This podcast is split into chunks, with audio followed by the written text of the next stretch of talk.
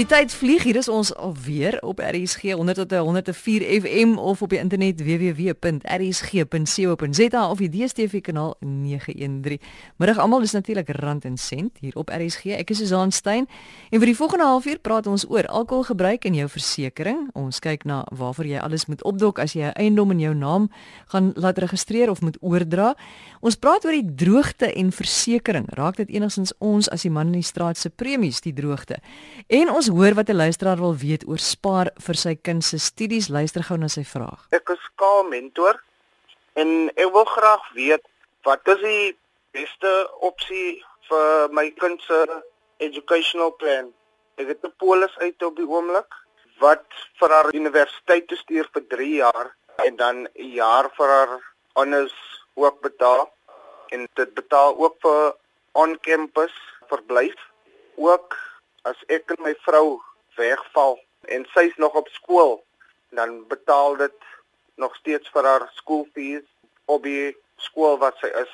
Ek wil weet of dit beter is vir my om aan te gaan met die spaarplan of is dit beter vir my om die geld net so weg te sit in 'n bank en en die rente ook bymekaar te maak. Ons gaan nou nie vandag Karl se vraag beantwoord nie, maar ek wil graag hê as jy 'n finansiële adviseur is en jy spesialiseer in hierdie soort polisse of spaarplanne vir kinders wat 'n mens vir hulle uitneem as hulle gebore is en dan kan hulle eendag gaan studeer daarmee. Moet jy my asseblief kontak rsg@gmail.com rsg@gmail.com. Ons wil sommer net weet wat is die beste spaarplanne?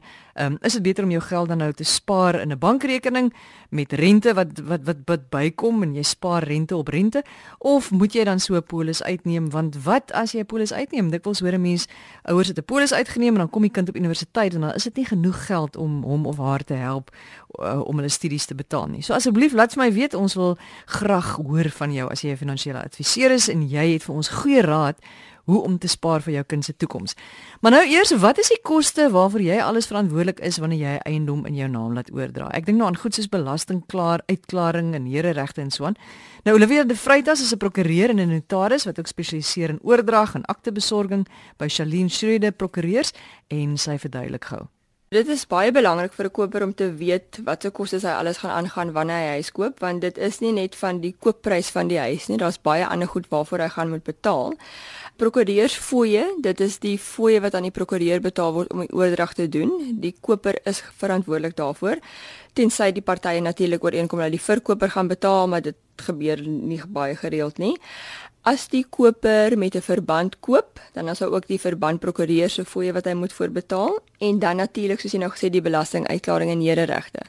Nou belastinguitklaring is die syfers wat ons by die munisipaliteit kry. So sodra ons die instruksie gekry het vir die oordrag en ons het al die dokumente en ons het al die inligting in die stelsel en waarop ons werk, dan druk ons 'n knoppie en ons doen aansoek vir syfers by die munisipaliteit.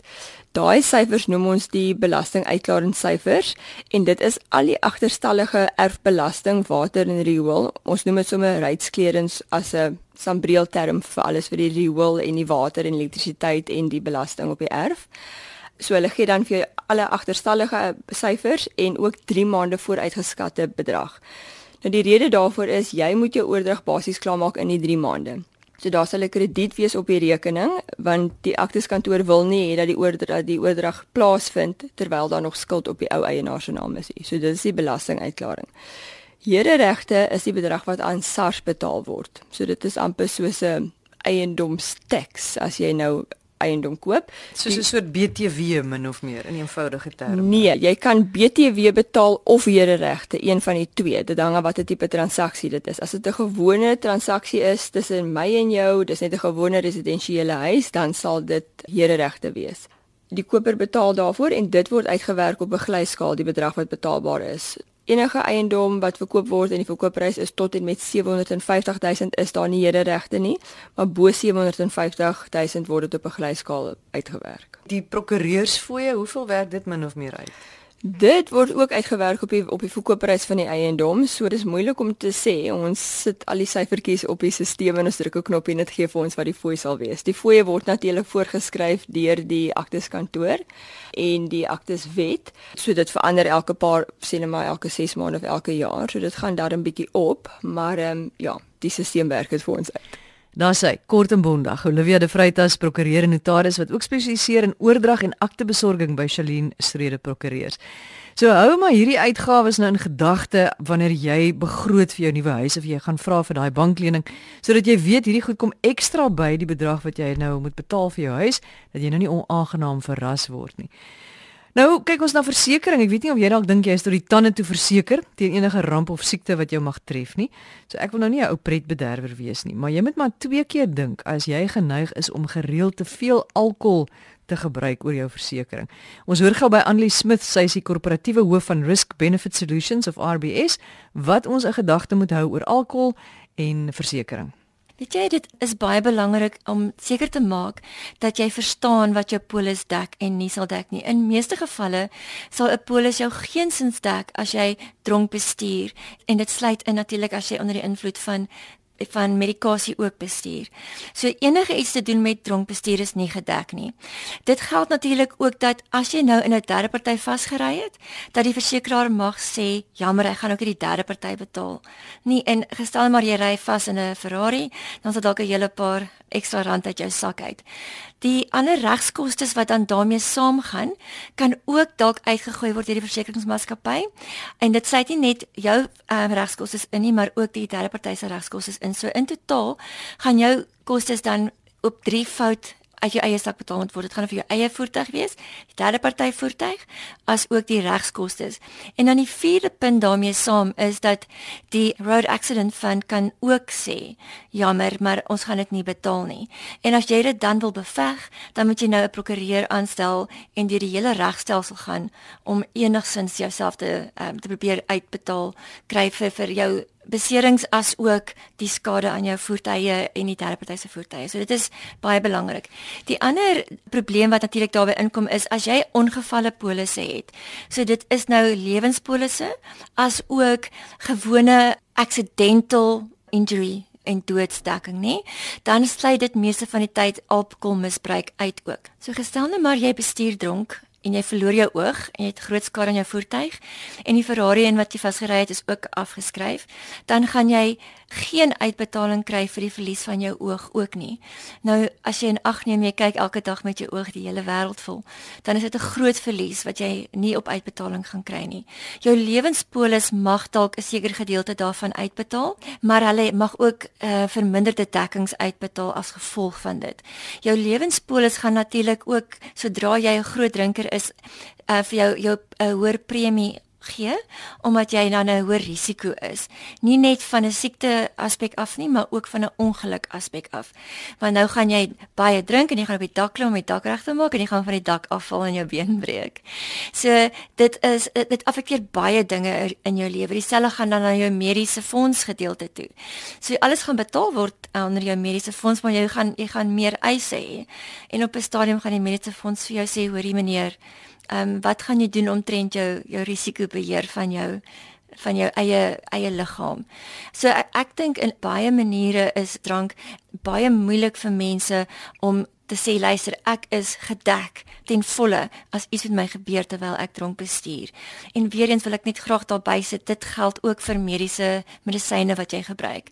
So wees asseblief versigtig as die dokter vir jou sê moenie ry te, as jy medikasie gebruik het, nie moenie ry nie, want jou polis gaan nie uitbetaal nie.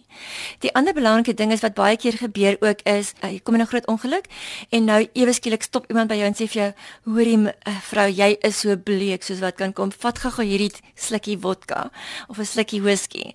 Onthou net, as die polisie by jou kom en hy vat 'n breathalyzer toets van jou, gaan hy nie sê hoor hierso, maar ek het dit nou gedrink na die ongeluk nie. Hulle gaan sê jy het gedrink voor die ongeluk.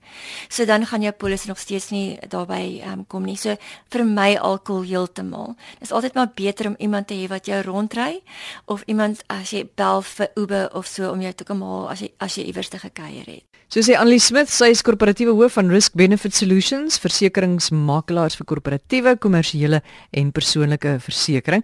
So ons weet al, moenie nou drink en bestuur nie of enigsins dapper dade gaan verrig soos jou dak regmaak as jy nou 'n glasie of twee agter die blad het nie. Benewens jou lewe of iemand anders se lewe, kan jy ook jou polis in gevaar stel.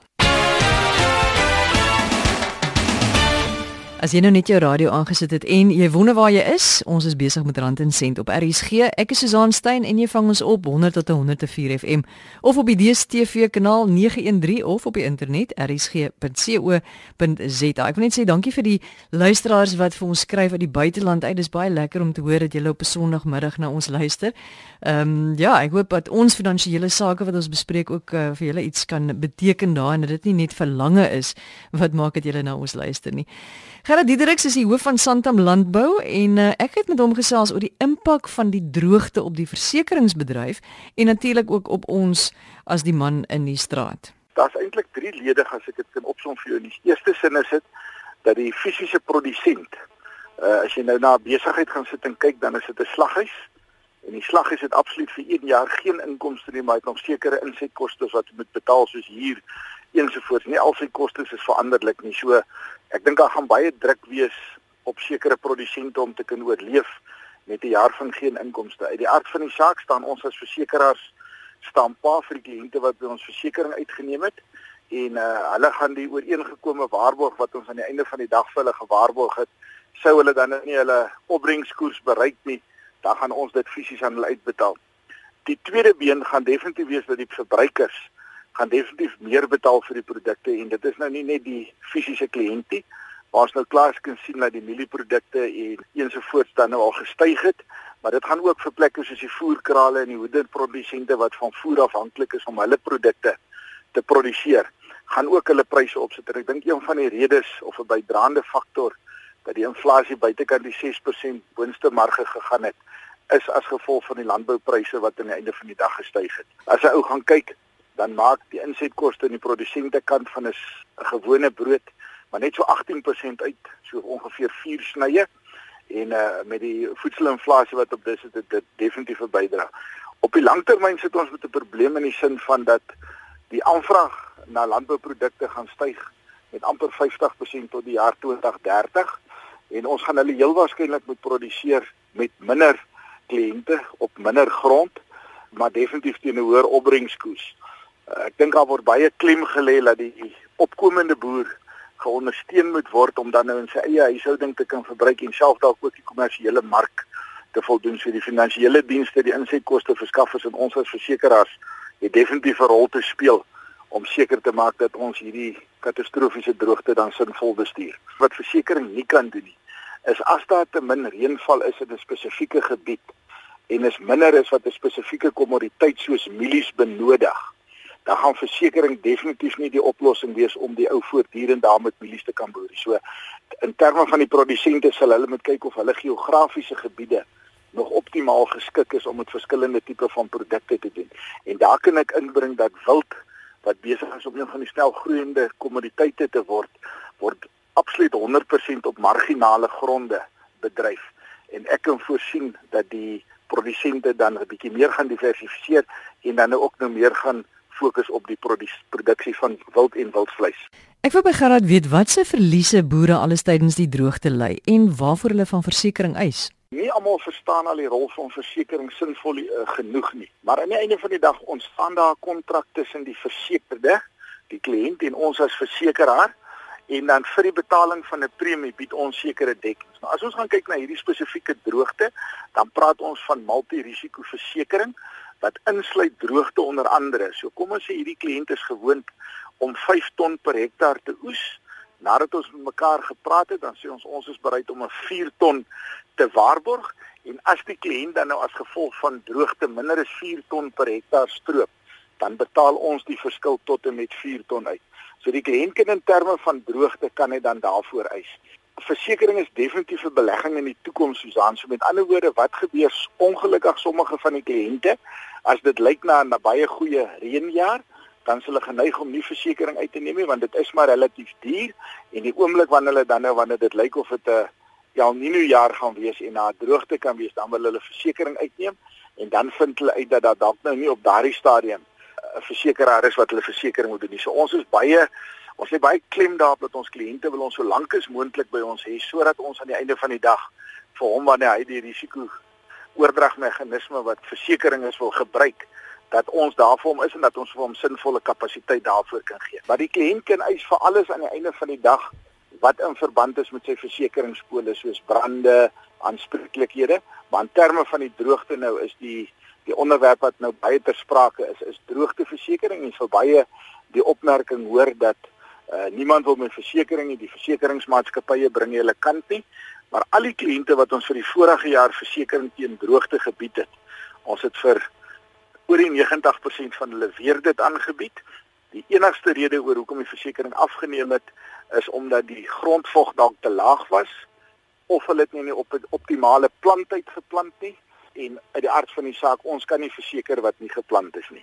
Gaan dit verduidelik wat gebeur met versekeringspremies veral van ons gewone mense wat nou nie boere is nie wanneer boere tydens moeilike tye meer dikwels en groter bedrae van hulle versekeringsmaatskappye eis. Elke versekeringssoort is maar in 'n risikopool en ons gaan kyk na die geografiese gebiede en ons gaan kyk na die gemiddelde bedrag wat ons uitbetaal aan eise in daardie gebiede en dan gaan kyk ons na ons kliënte wat in daai gebied boer, watter tipe van blootstelling wil ons wil hê want uit die aard van die saak kan ons nie 100% van alle boere in 'n spesifieke gebied verseker nie want as daar dan nou 'n eis kom dan kan dit nogal katastrofiese gevolge vir ons hê. Maar as 'n ou nou so aan die einde van die dag gaan kyk, dan behoort droogteversekering en kliënte wat eis daarvoor behoort nie direk die man op die straat se versekeringspremie ten opsigte van motor ensovoorts te beïnvloed nie. So die spesifieke risiko is gekoppel aan die droogteversekering en ons versprei dit in daai pool van kliënte wat aan daai versekeringssoort deelgeneem het. Ons weet, boere weet, uh mense in die versekeringsbedryf weet, almal weet dat die gemiddelde reënval in sekere distrikte oor tyd besig is om af te neem as gevolg van klimaatsverandering. So Gerard sê laasgenoemde of liewer dan nou klimaatsverandering gaan verseker 'n groot invloed op die versekeringsbedryf hê. Partykeer het dit eers nodig om af te neem, maar die spesifieke tye waar hierdie reënval val in ontkiemingsstadium en in kritieke groei stadiums dan is die die grane is meer sensitief teenoor droogtes in daai periode. So jy kan in 'n distrik nog dieselfde reën kry, maar omdat dit op verkeerde tye geval het, het dit tog 'n invloed. Maar klimaatsverandering is 'n baie langtermyn verandering na die gemiddelde en ons versekeringsprodukte maak voorsiening dat uh die opbrengs of dan nou styg sou die weer en die reënval styg sodat die ouer oor die langer termyn hoër opbrengste kan bring. Daar kan tegnologie speel dit ook 'n groot rol dat met absoluut tegnologie produseer die ouens meer per hektaar en dan pas ons ons versekeringspolisse en die waarborge wat dit verskaf pas ons daarmee aan.